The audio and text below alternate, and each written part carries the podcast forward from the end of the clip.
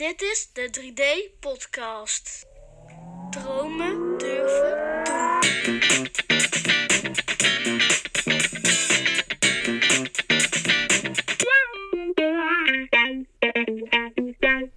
Goedenavond en welkom bij 3D Podcast. Mijn naam is Freek Kievenij en dit is episode 15.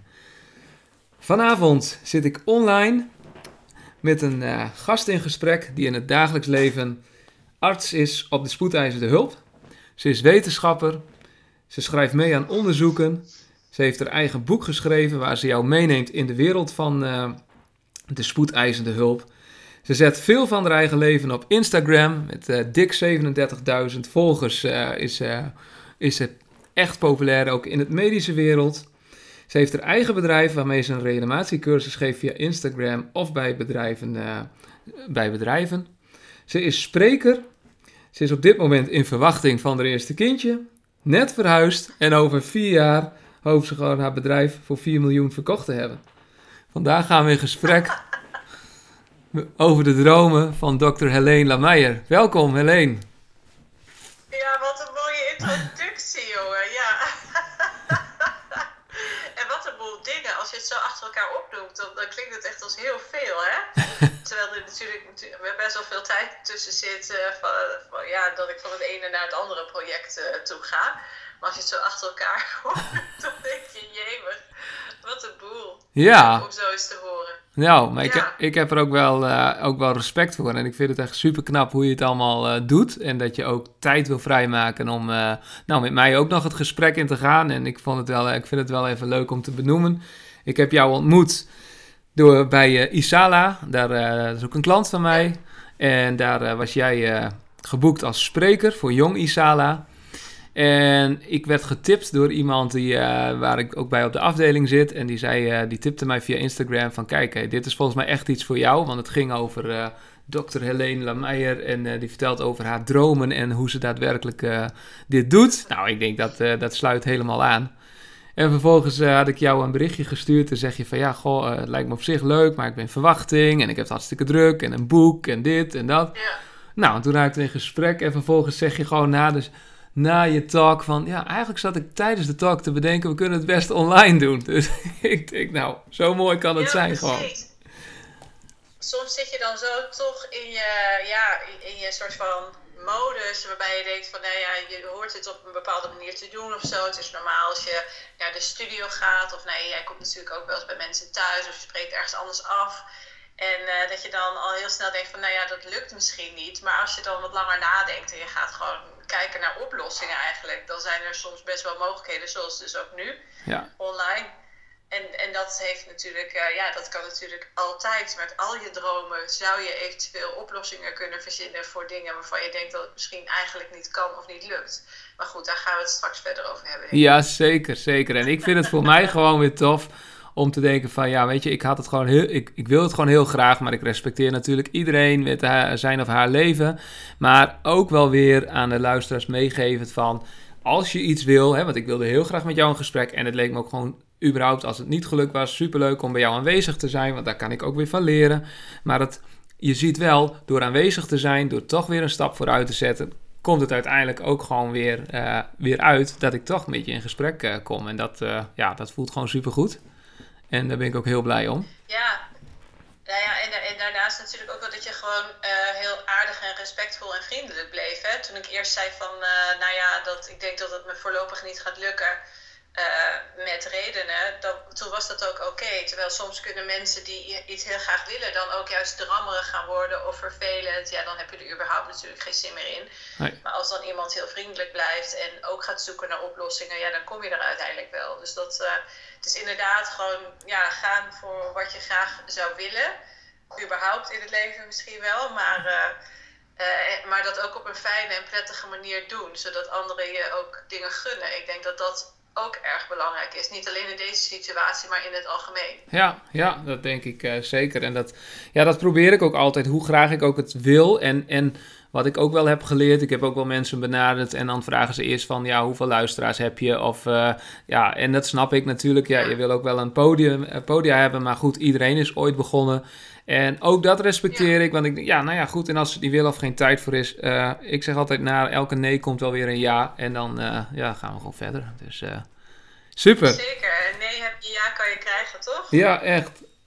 Hartstikke leuk. Hey, ik begin altijd, altijd in, in mijn shows met de eerste vraag van wat was je droom als kleine meid? Als klein meisje. Ja, nou, dat is, ja, dat is wel grappig dat je dat zegt, want eigenlijk is die droom nu aan het uitkomen, of die komt binnenkort uit. Ik uh, wilde eigenlijk altijd een boek schrijven. Ik was als uh, jong meisje, eh, ja, eigenlijk nog steeds wel. Ik heb er nu wat minder de tijd voor, of ik maak er minder tijd voor, maar echt verzot op lezen. Ik las echt heel erg veel. Ik ben ook opgegroeid met een moeder die Nederlands heeft gestudeerd. Onze woonkamer stond echt vol met boekenkasten. Elke, elke muur in de woonkamer was een boekenkast en het stond helemaal vol. Dus er was altijd van alles te lezen. Ik kreeg natuurlijk ook zelf gewoon kinderboeken. Ik werd eerst natuurlijk voorgelezen toen ik niet wil lezen. Maar ja, ik, ik, dat lezen en het lezen over avonturen, levens van anderen, of het nou fictie is of non-fictie. Ik vond het altijd zo erg leuk om te doen. Ik vroeg ook altijd boeken voor mijn verjaardag. En het was echt een droom van mij om ooit nog eens een keer zelf een boek te schrijven. En uh, ja, dat heb ik heel lang niet gedaan. Of nee, ik heb wel ook als kind ook wel verhaaltjes ging ik dan schrijven en zo. En dan dacht ik, nou, nu ga ik beginnen met het schrijven van een boek. En dat werd dan helemaal niks, want dan had je één hoofdstuk en dan was je alweer door het verhaal heen. maar uh, nu 1 december, ja, het ligt natuurlijk aan wanneer mensen dit luisteren. Maar het is nu op dit moment uh, november. Dus bijna komt mijn uh, eerste ja, echte boek, zeg ik dan uit. Ik heb al een lesboek geschreven, een medisch lesboek. Wat ook heel tof was. Maar dat was eigenlijk niet mijn droom. Mijn droom was echt een verhalenboek. En die, uh, die komt nou binnenkort uit. Wow. Dus dat is wel heel bijzonder om, om te merken dat ja, ook zo'n meisjesdroom nog uit kan komen. Ja, hey, en, en um, want tussen de, die droom van toen en, en, en nu, zeg maar, hè, er zit een hele, hele carrière in. Had je ook altijd al, ja. had je, um, heb je er wel vaker aan gedacht om überhaupt iets met schrijven dan te doen? Want kijk, een boek, je hebt nu eigenlijk een boek geschreven over jou, jouw leven op de spoedeisende hulp. Maar Ja. heb je ook al wel de ambitie gehad dat je dacht van nou, maar ik wil ook wel boeken schrijven als vermaak of veel meer educatief of... Ja, nou, ehm. Ik heb het tussendoor eh, wel op de middelbare school en zo ook wel een soort van geprobeerd. Dat ik dan ehm, bijvoorbeeld gedichten ging schrijven als ik een emotionele bui was. Of, eh, ehm, nou, ja, we maakten altijd met, met wat eh, kinderen toen. Hè, toen was ik echt nog klein, maar met de kinderen, vriendinnetjes maakten we vroeger toen ik op de middelbare school, basisschool zat, een tijdschrift die we uitgaven. Mijn, eh, mijn vader die was eh, docent communicatie en wij hadden daardoor thuis een kopieermachine. Ah, Dus eh, wij konden echt tijdschriftjes aan elkaar ja, maken en kopiëren en die uitdelen. Dus het was natuurlijk heel basic. Maar dat is ja, wel een van de, van de dingen die ik dan deed en wat me heel veel plezier gaf. En waarin ik dus ook wel wat, wat dingen schreef. Ehm, later, tijdens eigenlijk na, na mijn artsenbul, en na mijn specialisatie tot spoedeisende hulparts, ben ik ook een blog gestart. Dus toen schreef ik ook wel dingen in eh, blogs. Die is er ook nog steeds, die doe ik ook nog steeds. Zowel eh, medisch-wetenschappelijke informatie zet ik dan in blogs als ook verhalen. Eh, en eigenlijk zijn die blogs uiteindelijk opgevallen en toen heeft een uitgever mij benaderd om een boek te gaan schrijven. Dus eigenlijk hebben al die hele kleine stapjes met elkaar uiteindelijk toch gezorgd voor het boek. wauw.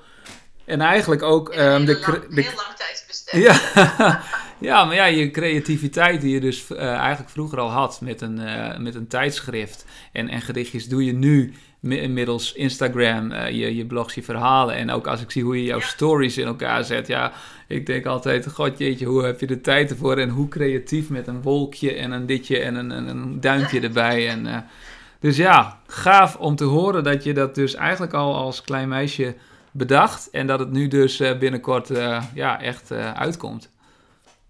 Ja, en het grappige is eigenlijk dat tot aan dat jij deze vraag nu net stelde en ik me dat herinnerde, was ik dat eigenlijk, eigenlijk gewoon helemaal vergeten dat ik dat, dat ik dat deed toen ik zo jong was. Dus het is wel geinig.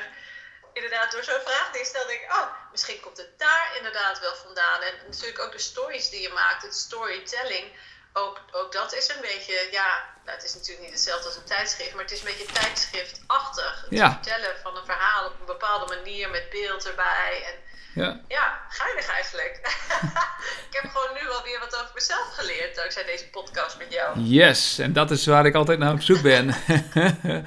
Vinkje. Nou, dan eh, kunnen we hierbij afsluiten, eh Helene. En eh Ja, was leuk hè? 10 minuten. Nee, gaaf. hey, eh, even nog terug. Ehm, ik hoorde net wat over je vader, over je moeder. Hoe, eh, hoe ben je opgegroeid? Eh, ik ben opgegroeid in Delfzijl. Dat is een stad helemaal in het noorden van Groningen, bij de zee. Ja. Ehm, toen ik er woonde was het nog een dorp. Ze hebben pas later zijn ze erachter gekomen dat ze eigenlijk al die tijd stadsrechten hadden.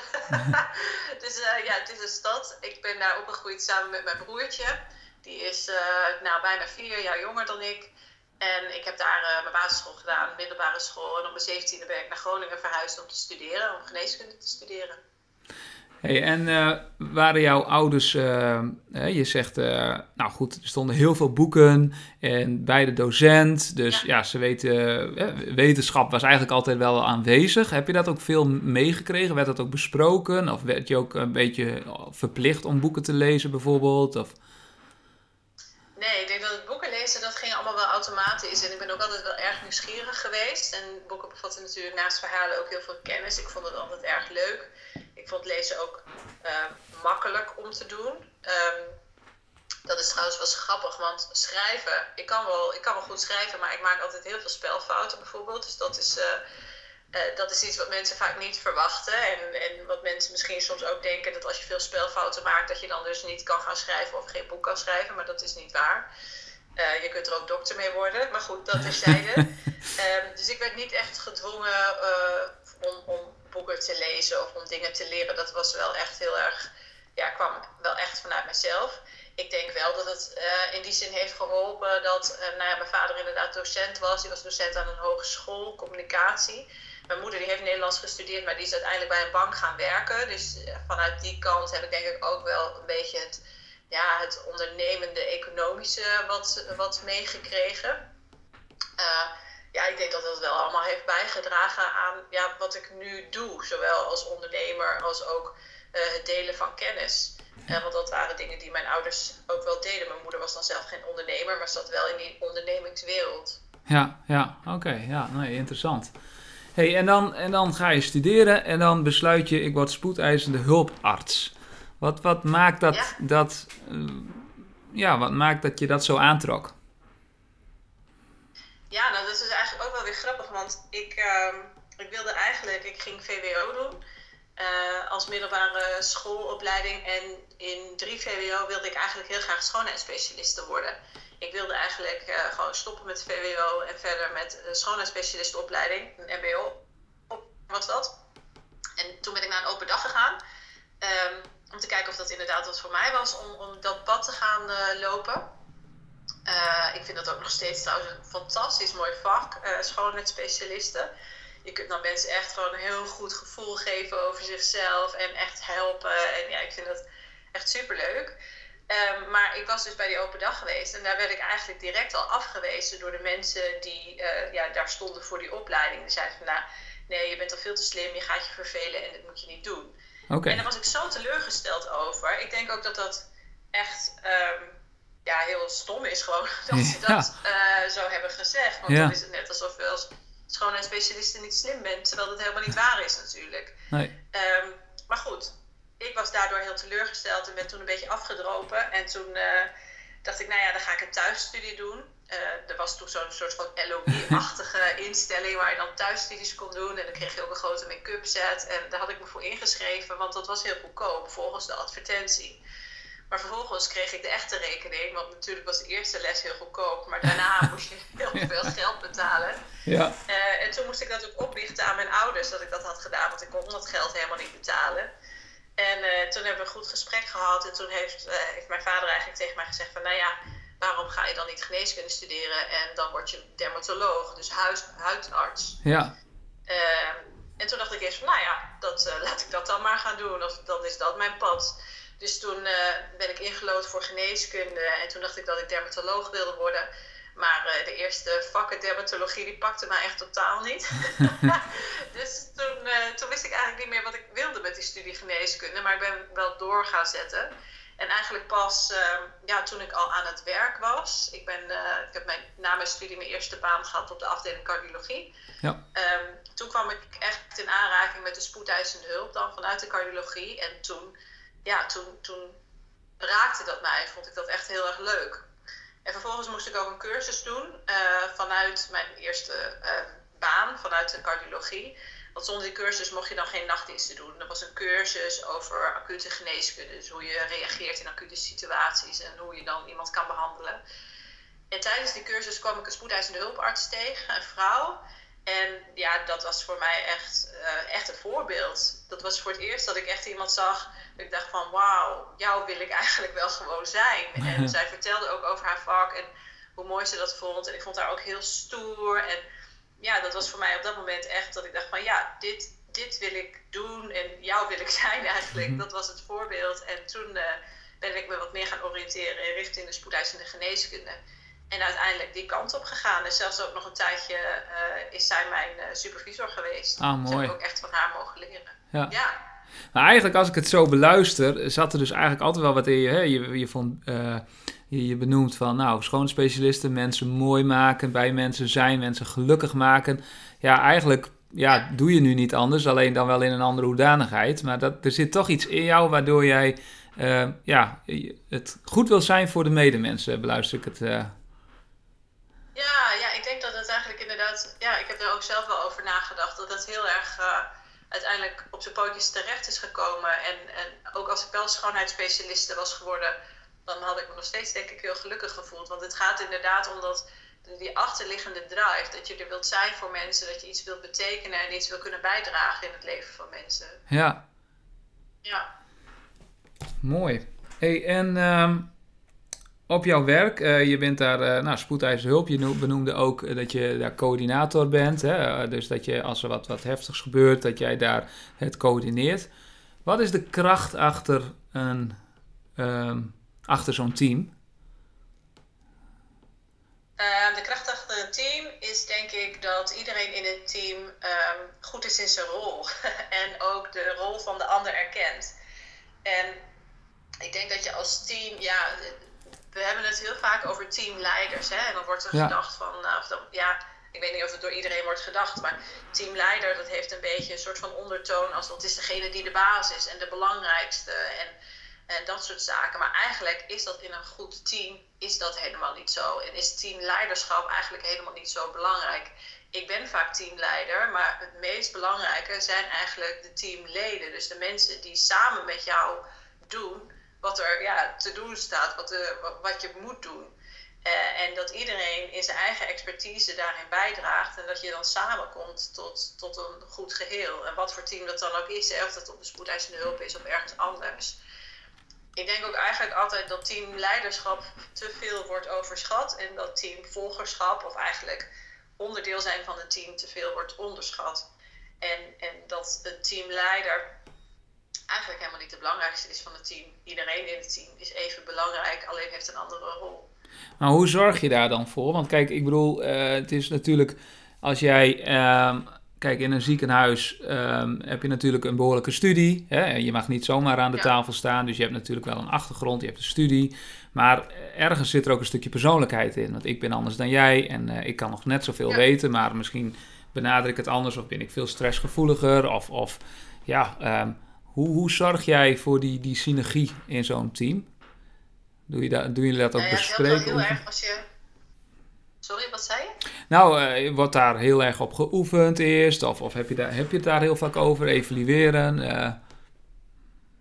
Ja, nee, het helpt al heel erg als je in team werkt, werkt waarin je de mensen kent natuurlijk. Dat is lang niet altijd zo. Ik werk nu in een iets kleiner ziekenhuis dan dat ik daarvoor werkte. Dus de kans dat ik nu met teams werk waarin ik iedereen ken, is best wel aanwezig. Ik werk daar nu ook al vijf, vijf of zes jaar. Dus op een gegeven moment ken je ook gewoon heel veel mensen. Dat maakt het heel makkelijker, omdat je dan ook precies weet wat iedereen kan, uh, wat hij niet kan, wat iedereen zijn rol eigenlijk is in een team. Um, maar ook als je in teams werkt waarin de samenstelling van het team elke keer kan wisselen, zou je nog wel um, dingen kunnen verwachten van bepaalde rollen of taken van iemand. Hè. Een anesthesist die uh, kan wat anders dan uh, een uh, anesthesiemedewerker of een verpleegkundige of nou ja, noem maar op, wie dan ook dan onderdeel is van een team. Um, dus dat je aan de taken die mensen hebben al iets kunt zien of kunt verwachten. Um, en daarnaast is het natuurlijk ook heel veel trainen. Wij trainen in ziekenhuizen ook veel. Tenminste, in de ziekenhuizen waar ik heb gewerkt, trainen we heel veel. Doen we heel veel ja, CRM-trainingen heet dat dan. Crew Resource Management trainingen. Uh, dat zijn scenario trainingen waarbij er een nou ja, fictieve patiënt is, een pop of een acteur. Uh, en een casus wat je dan doorloopt met je team. En dat ga je voorbespreken en dat ga je nabespreken. Maar ook de echte situaties die wij meemaken als teams bespreek ik bij voorkeur na. Dus na een reanimatie bijvoorbeeld ga ik eigenlijk altijd met het hele team nog even zitten. Uh, waarbij we echt even een rondje doen van wat ging er goed, wat kon er beter. En uh, hoe voel je je nou eigenlijk? En kun je hiermee zo verder werken of niet? Ja, ja. En ja, ik denk dat, dat ook dat nabespreken in je team je team heel erg versterkt. Ja, ja mooi. hey, je noemde net iets. Uh, ik, ik, daar kom ik straks ook nog even op. Uh, jij, uh, je, reanimatie bijvoorbeeld. En jullie maken echt wel heftige dingen mee. De, je zei ook hè, mooie dingen als zijnde van... Hè, je helpt iemand weer goed op de been. Maar soms ook gewoon hele ja, emotionele situaties. Um, ja. ja, jij werkt daar een hele avond en je bespreekt iets. Maar je moet ook weer door. Hoe ga jij... Hoe doe je dat? Hoe ga je met die emoties om? Kun je dat heel makkelijk uitzetten? Of, of... Um, nou ja, in de loop van de tijd is dat wel makkelijker geworden. Want je, je, raakt, ja, je raakt het gewoon wat meer gewend om heftige dingen mee te maken. Hoe cru dat misschien ook klinkt. Maar desalniettemin zijn er altijd dingen die moeilijk blijven. En als ik merk dat iets mij raakt, dan uh, praat ik daarover met collega's. Als iets mij blijft raken, dan uh, bel ik nog met een collega, ook daarna. Uh, als er echt iets heel heftigs is gebeurd, bijvoorbeeld een reanimatie van een kind, dan bellen collega's mij ook, ook als ik hun niet bel. Dus er is wel echt een heel ja, opvangnetwerk, peer support netwerk eigenlijk, ja. uh, wat er staat. En waar we ook met z'n allen zorg voor dragen dat dat ook ja, plaatsvindt. Dus dat je ook eventjes je collega belt als je hoort dat hij iets heel heftigs heeft meegemaakt. Um, wat mij zelf nog wel helpt, is als ik ergens mee blijf zitten of ik blijf aan de patiënt denken. Of ja, iets raakt me heel erg. Dat soms als ik thuis kom en ik denk er nog over na, dan brand ik ook wel eens een kaarsje voor iemand. En dan geeft dat me ook wat uh, ja, afsluiting of, of in ieder geval een wat minder zwaar gevoel. Ja, ja. En, en um, ja. ja. nee, ik, ik zit er gewoon over na te denken. Want ja, dat is, het, is, het blijft levende, levende lijven. Sta je bij iemand en je doet je best natuurlijk. En uh, ja, ja, uiteindelijk kun je ook niet meer doen. Um, maar aan de andere kant is het ook wel weer zo, denk ik, dat als jullie het weer fixen en weer voor elkaar krijgen, dat jullie het dus ook wel weer vieren of zo. Ja, en dat is natuurlijk het allerbeste gevoel wat je kan hebben, hè, wanneer iets lukt.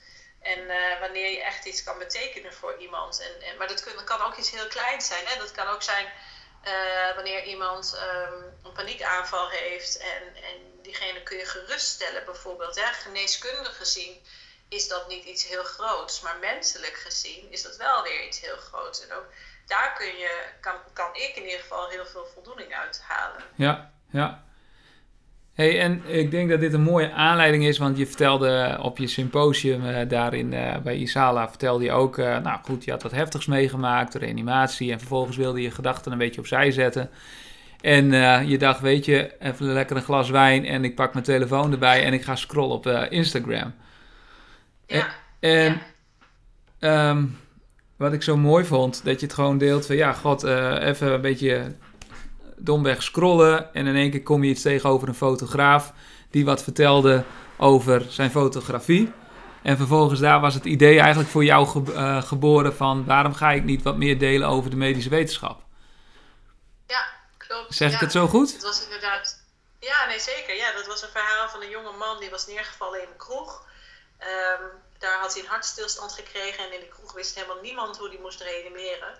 En dat betekende dus ook dat toen de ambulance kwam, dat, dat de ambulances die komen in Nederland best wel snel hoor. Dit was iets tussen de vijf en acht minuten of zo. Echt, uh, ja, ambulances zijn er heel snel. Maar tot die tijd was die man niet gereanimeerd. En juist die eerste minuten die zijn echt heel belangrijk voor je kans op overleving.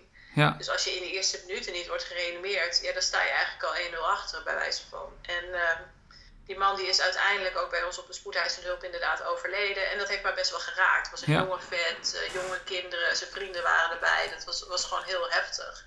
En inderdaad, toen kwam ik thuis, toen moest ik dat van me afzetten, had ik wat wijn gedronken en eh, scrollen op Instagram. En toen zag ik iemand die een cursus fotografie aanbood, die ik kon volgen via Instagram. En toen viel op een gegeven moment het kwartje. Toen dacht ik inderdaad van, hé, hey, wacht eens even, wat nou als ik ehm, ook zoiets ga doen, maar dat ik dan niet iets over fotografie ga delen via Instagram, want ik ben natuurlijk geen fotograaf, maar dat ik mensen ga proberen te leren eh, reanimeren via Instagram. En eh, ja, toen ben ik dat gaan doen. En dat, eh, dat is uiteindelijk een, een online cursus geworden, eerst via Instagram.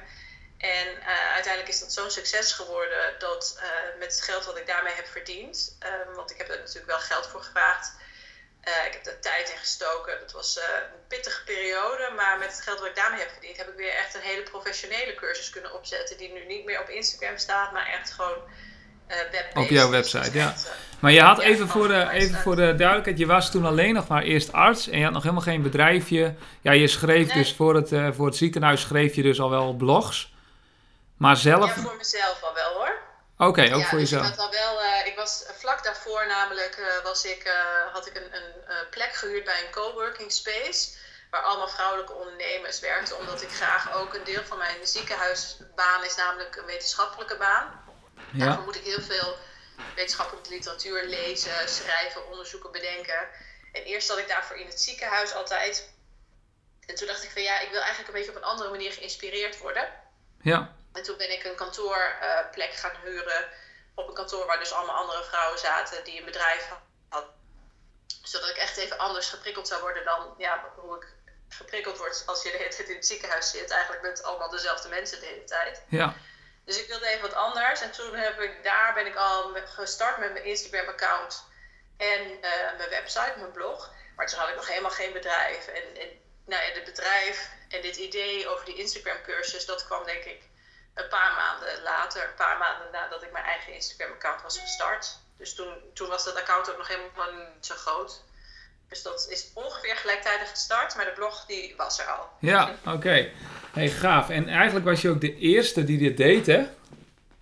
Ja, Die eh, via Instagram een, eh, eigenlijk een eh, reanimatiecursus geeft. Ja, dat was nog nooit gedaan. Dat was ook wel heel spannend, want ja, dan ga je iets doen wat nog nooit gedaan is. Al helemaal niet dus binnen de medische wereld. En wat gaat de medische wereld daar dan van denken? En ehm, ja, dat, ja, dat heeft me niet tegengehouden, maar het heeft me wel bezig gehouden. Laat ik het zo Ja, zeggen. nou ja, en ik denk ook wel dat dat ook best een spannende is. Want ja, jij, jij deelt foto's en je zet jezelf vaak eh, op de foto. En ook Ja. weer, ik ben weer aan het werk. Eh, hoe reageren jouw, eh, jouw collega's en, en jouw werkgever daarop? Ja. ja, nou eigenlijk heel goed. Ik heb wel van tevoren, toen ik daarmee begon, heb ik het wel aan mijn werkgever gemeld. Ehm, deels omdat dat eh, verplicht is. Als jij echt eh, extra activiteiten start eh, naast je werk die invloed zouden kunnen hebben op je werkgever, moet je dat altijd melden. Ja, Vond ik even spannend, want ik dacht van, nou ja, als zij zeggen, nou dat willen we niet, ja, dan, dan kan het niet gaan gebeuren, want mijn baan was me veel te veel waard daarvoor. ja, Uh, maar ze waren eigenlijk heel progressief. Sowieso het ziekenhuis waar ik werk, ik werk in Leeuwarden, het medisch centrum Leeuwarden, is eigenlijk best wel een heel open, progressief ziekenhuis. Uh, die inmiddels zelf ook best wel grote social media accounts beheren. Van het ziekenhuis zelf en, en daar veel mee bezig zijn. Maar uh, toen was dat nog niet zo. Maar toen vonden ze het dan wel echt een heel erg leuk idee. En stonden ze er helemaal achter. Stonden ze ook achter mij. Ze zeiden ook van ja. Um, we vertrouwen er gewoon op dat jij dit goed zult doen en we leggen je ook geen restricties op. Um, en ja, toen kon ik gewoon beginnen. Dus ik heb dat wel gemeld. Uh, en ik had eerst verwacht dat ik ja, toch ook wel wat negatieve reacties zou krijgen vanuit de medische wereld. Maar dat was eigenlijk helemaal niet zo. Dat zat eigenlijk alleen maar in mijn hoofd. En ook toen, toen ik die reanimatiecursus via Instagram lanceerde, toen uh, ja, dacht ik eigenlijk ook van, nou ja, nu krijg ik de hele medische wereld vast over me heen, want het is zo onconventioneel en dit is zo, zo iets nieuws en dat vinden ze vast eigenlijk allemaal niet goed. En dat bleek helemaal niet zo te zijn. en het is zelfs zo dat ik uh, tijdens een congres uh, van mijn eigen beroepsgroep, van de Nederlandse Vereniging van Spoedeisende Hulpartsen, Toen werd ik aangesproken door de voorzitter. En die zei van, hé, hey, kan ik eh, zo even met jou praten? En toen zei ik, nou ja, is goed.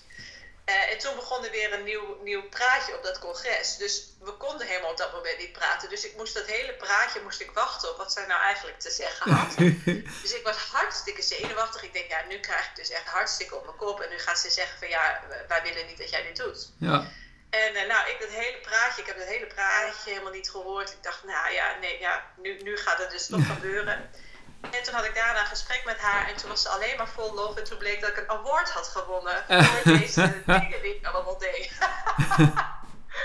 dus, dus ik zat al helemaal grote beren op de weg en helemaal negatief te denken over iets wat ja, eigenlijk helemaal niet als zodanig gezien werd. Bijzonder, ja, bijzonder. Maar echt, ja, ja. geweldig hoe je dit, dit uh, ondanks je twijfels gewoon door hebt gezet en op hebt gezet. En, uh, nou, en prachtig dat je dus ook daar nog een award voor hebt gekregen. Ja, ja dat vond ik ook heel bijzonder. Ja. Hey, en, en hoe wordt dit ontvangen op, op, uh, op social media? Want dat is natuurlijk ook een vraag van ja, wordt het ontvangen en wordt het gezien? En je hebt natuurlijk een doelgroep. Uh... Vond je dat ja. lastig? Um, nou, ik vond het niet lastig omdat het in het begin voor mij echt experimenteren was en een spel. En dat ik ook wel echt had bedacht, nou ja, ik mag hier ook wel ja, fouten maken, zeg maar. En uh, gewoon, ja, ik kijk wel gewoon wat het brengt. En het werd heel goed ontvangen, want het, uh, ja, dat account is echt in een aantal jaar tijd echt gigantisch gegroeid. Ik begon gewoon letterlijk met nul volgers op Instagram. En inderdaad, nu zijn het iets van 37.000. Ja. En uh, ja, dat, dat, dat is dus in de loop van de, nou, wanneer ben ik gestart? 2018, eind 2018. Um, dus ongeveer vier jaar geleden. En uh, ja, dat, dat, dat is heel goed ontvangen. Um, natuurlijk is het ook wel zo dat hoe groter je wordt daarin, hoe meer fans je krijgt als het ware. Maar ook hoe meer haters. Ja, dat hoort er gewoon nou eenmaal bij. Bij ja. succes komt ook het tegenovergestelde eigenlijk en de vervelende dingen. Um, nou ja, de leuke dingen zijn nog altijd leuker. Hoe, uh, hoe, ga je, uh, hoe ga je daarmee om? Want je weet dat je dat inderdaad, net wat je zegt, in het begin uh, is de buurvrouw die er misschien klaagt van, goh, daar staat ze weer op de foto. Maar uiteindelijk, ja, word je, word je bekender en bekender. En nou, wat je zegt, ja, je deelt ook wel eens dingen over corona, heb je in het verleden gedeeld. En wat andere dingen. Nu met je zwangerschap ja. ben je natuurlijk dingen aan het delen. Ja, hoe ga jij om ja. met negatieve reacties? Um, nou, ik probeer vooral te kijken van waar komt het vandaan en wat, wat zou achterliggende gedachte zijn waarom iemand mij wat stuurt. En tijdens de coronaperiode, toen heb ik ook veel gedeeld over vaccinatie en over de onderzoeken naar vaccinatie. En heb ik geprobeerd om die onderzoeken wat leesbaarder te maken voor de mensen die niet medisch geschoold zijn. Um, en ik heb geprobeerd om dat heel, uh, ja, heel, heel sec neer te zetten, eigenlijk zonder mijn mening erin. Ik had er ook niet echt een super sterke mening over. Ik ben zelf gevaccineerd. Maar ik vond vooral ook dat mensen zelf moesten kunnen kiezen wat zij wilden. Of dat nou wel of geen vaccinatie was, maakte mij eigenlijk niet uit. Zolang hun keuze maar gebaseerd was op de echte informatie en niet op desinformatie. Dus zodoende heb ik heel veel informatie gedeeld om te hopen dat mensen op die manier voor zichzelf gewoon een goede keuze kon maken. Uh, maar toch werd dat door sommige mensen gezien als dat ik vaccinatiepropaganda deed. En ja, waren er ook echt mensen die mij hebben bedreigd, uh, digitaal dan, niet in real life gelukkig. Nee, oké. Okay, uh, ja. ja, dat vond, ik, dat vond ik moeilijk en kreeg ik ook echt wel hele nare dingen naar mijn hoofd geslingerd digitaal. Um, ik ben toen vooral met die mensen in gesprek gegaan. Dat heeft me heel veel energie gekost. Uh, want ja, mensen die kunnen natuurlijk digitaal, online, van alles naar je roepen. Ja. Um, en, en, en, en er komen ook echt gewoon soms wel nare dingen uit. En om dat dan om te denken voor jezelf en toch het gesprek aan te gaan op een open manier. Um, en dat heeft me best wel veel geleerd. Uh, naast dat het me heel veel energie heeft gekost. Want ongeveer de helft van de gesprekken die ik vervolgens had met mensen uh, was heel erg mooi.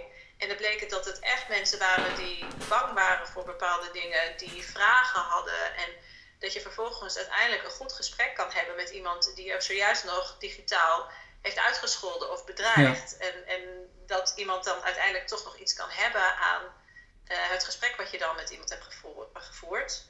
Uh, maar dat was niet met iedereen, dat was ongeveer met de helft van de mensen. En de andere helft van de mensen heb ik uiteindelijk geblokkeerd. Ja.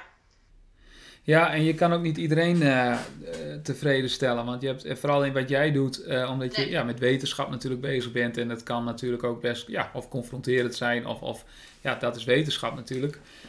Ja, um, ja, dus dat begrijp ik ook heel goed. Volgens mij zei Steve Jobs, als je iedereen tevreden moet maken, dan moet je ijsjes gaan verkopen. Dus dat, dat kun je misschien ook nog gaan proberen via Instagram dan.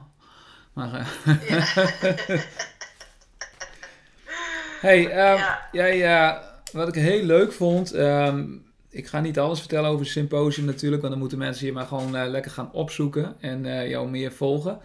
Maar wat ik wel even heel mooi vond, is dat jij eigenlijk uh, buitenom jouw werk iedereen eigenlijk aanmoedigt om te gaan spelen in hun werk. En dat vond ik zo leuk. En ook gewoon van, ja, maak het leuk, deel. Ehm, ja, goed, dat is ieder voor zich. De een wil gewoon niet delen, maar Kun je eens wat vertellen over dat, dat stukje spelen? Ja, nou ja, goed. Het spelen. Ik denk dat het voor mensen heel belangrijk is om, om te spelen in het leven, maar ook in je werk. Voor de meeste mensen is denk ik het werk iets wat, wat je het meest van de tijd zo ongeveer doet. Vaak ben je nog vaker met je collega's dan met je eigen familie. En wanneer je dan heel serieus werk hebt, zoals ik, dan is het best wel moeilijk om daarin nog te spelen. Terwijl het toevoegen van spelelement. En mensen zijn gewoon eigenlijk spelende wezens, net zoals dieren uh, eigenlijk tot op latere leeftijd nog graag spelen. Uh, en spelen maakt je gewoon gelukkiger. Dat zijn zaken die wetenschappelijk bewezen zijn, waar heel veel theorieën over zijn, waar de creatieve therapie op gestoeld is, uh, zoals we die nu kennen. Um, en maar als jij een baan hebt waarin je eigenlijk niet zoveel kan spelen, uh, wat de meeste banen natuurlijk zijn en al helemaal de mijne, ik kan natuurlijk moeilijk gaan spelen met mensenlevens, dan is het wel zaak om op een andere manier te gaan zoeken naar hoe jij kan spelen toch met je vakgebied. En voor mij is dat bijvoorbeeld dus geworden door me creatief te kunnen uiten over mijn vakgebied op mijn blog en op mijn Instagram en ja, in de cursus eigenlijk. Uh, en dat maakt dat ik ook mijn vak weer wat uh, creatiever ga zien, maar dat ik ook daadwerkelijk zelf creatiever word en ook in mijn vak creatiever word en wat meer buiten, uh, buiten de gebaande paden eigenlijk kan denken. Ja, ja. Ja, en ook uh, wat je ook mooi benoemde, wees daar ook niet bang in, weet je wel. Dat, je kan het, ja goed, ik, ik ben zelf één groot spelend kind wat dat betreft.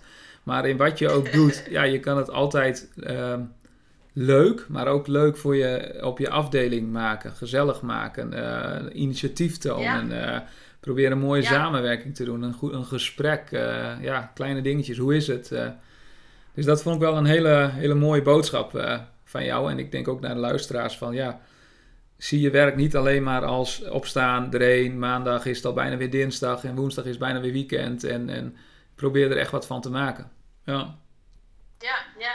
En, en kijk, kijken hoe kun je hier iets leuks van maken of iets wat interessant is, iets wat jou drijft. Uh, en probeer daar ook niet te zwaar aan te tillen, maar probeer het dan ook te zien vervolgens als een experiment. Dus ga eens kijken, ga eens spelen. En, uh, want als je het zo gaat zien als een spel of als een experiment, dan kun je eigenlijk niet falen. Dan kun je eigenlijk alleen maar leren en iets meemaken. En dat is zoveel positievere insteek dan uh, wanneer je iets nieuws gaat proberen, maar al vanaf het begin bang bent dat het toch niet lukt. Ja, ja, mooie. Hele mooie. Nou ja, dat was ook spannend voor jou natuurlijk. Van krijg ik volgers? Gaat mijn cursus aanslaan? Uh, ja, en als je het als het spel ziet, dan heb je het in ieder geval geprobeerd. Mislukt het? Nou, dan heb je het wel dan gedaan. heb je in ieder geval lol erin gehad. Ja, ja. Ja dan lach je erom. ja, precies. Ja, en want ik heb ook wel echt in het begin ook wel echt dingen gedaan die niet slaagden. Het lijkt me allemaal heel succesvol, maar in het begin heb ik ook, toen ik begon met uh, stories maken bijvoorbeeld, dus vloggen via Instagram, toen had ik ellenlange saaie verhalen. En er waren een aantal mensen die dat helemaal afluisterden. Maar dat waren vrienden van mij of mensen die collega's waren en dat uit respect misschien een beetje deden.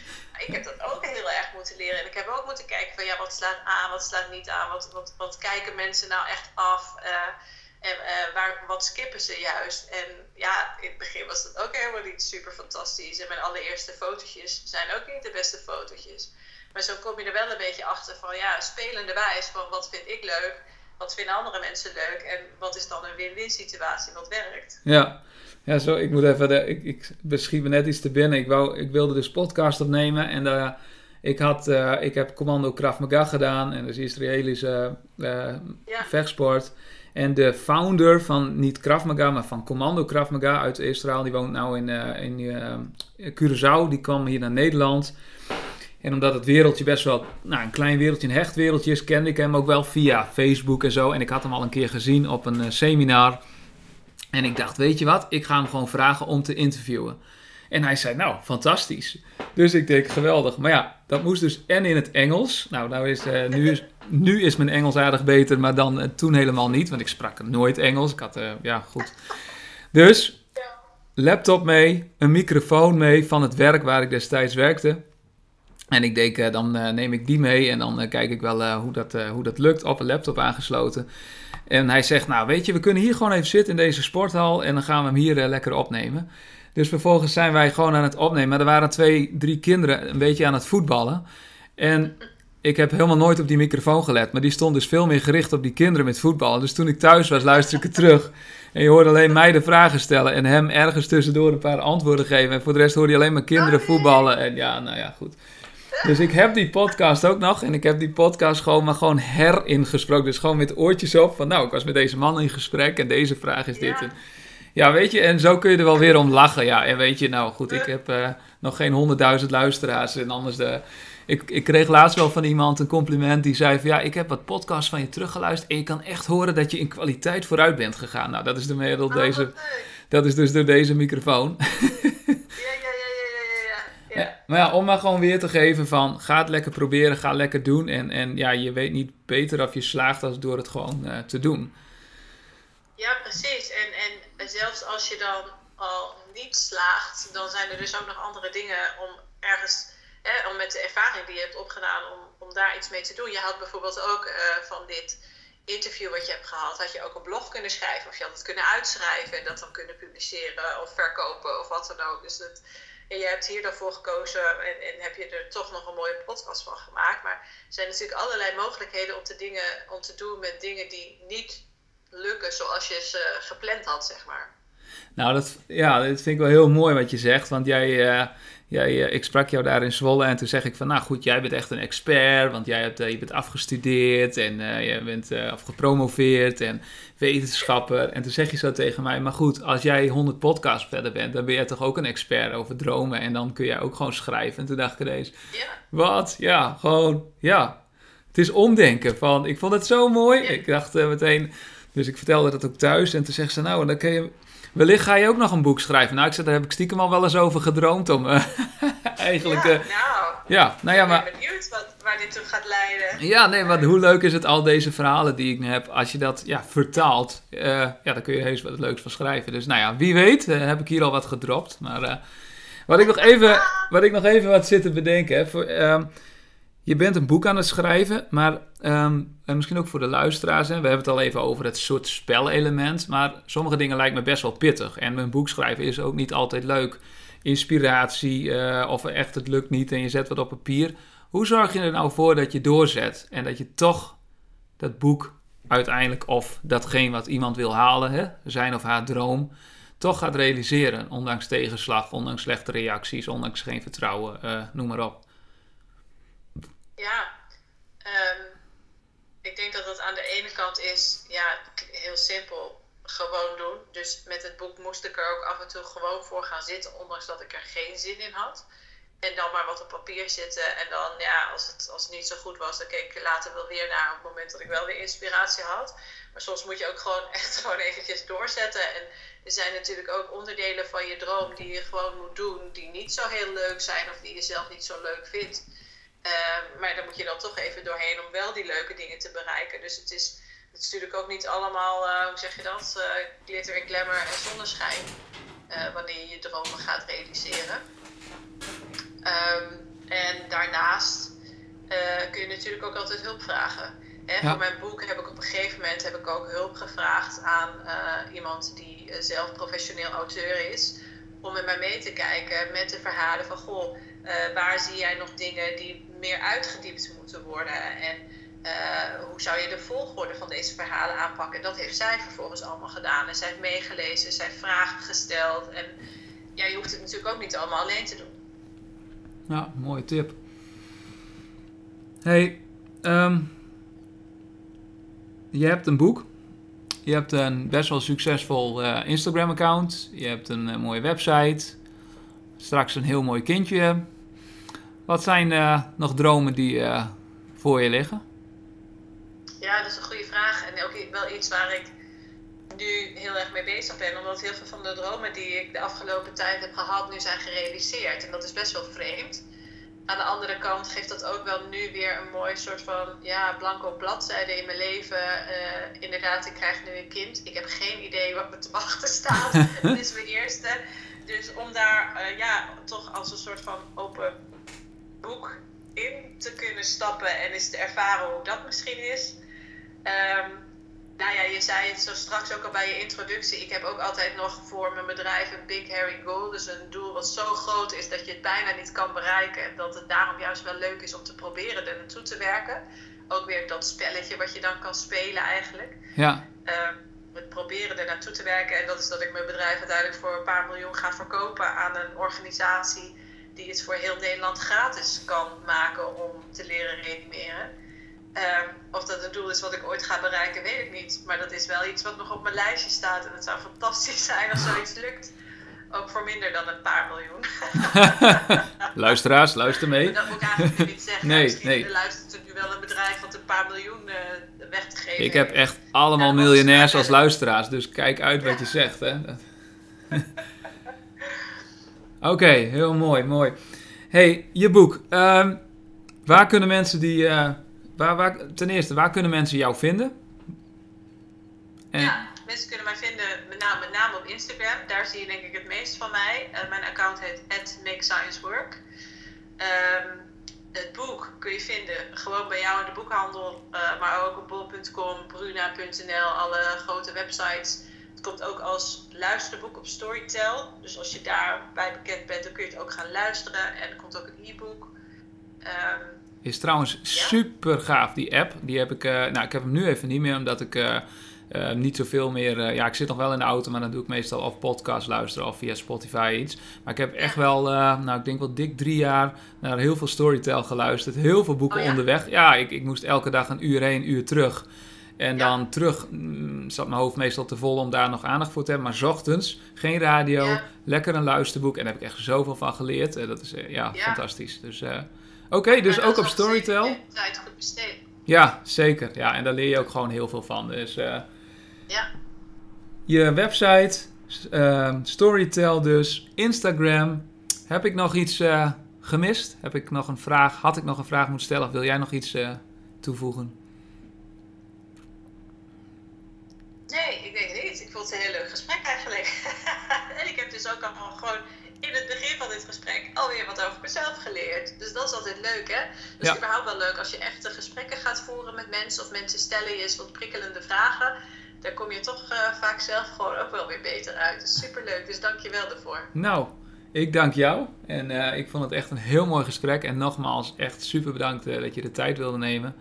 En ik ga op, op de podcast en op de website jou, eh, jouw boek even promoten. En eh, dat mensen jou ook gewoon gaan volgen. Want ja, laten we niet alleen je boek in, in belangstelling stellen, maar ook gewoon het reanimatiecursus natuurlijk. Want ja, je noemt al voorbeelden. Het, Ja. kan, het kan echt levensreddend zijn. Dus ja, ga dat, zeker, ga dat zeker doen.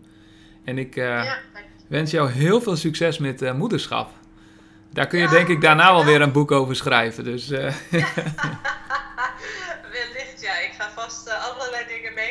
die ik nog nooit heb meegemaakt. Dromen, durven, doen.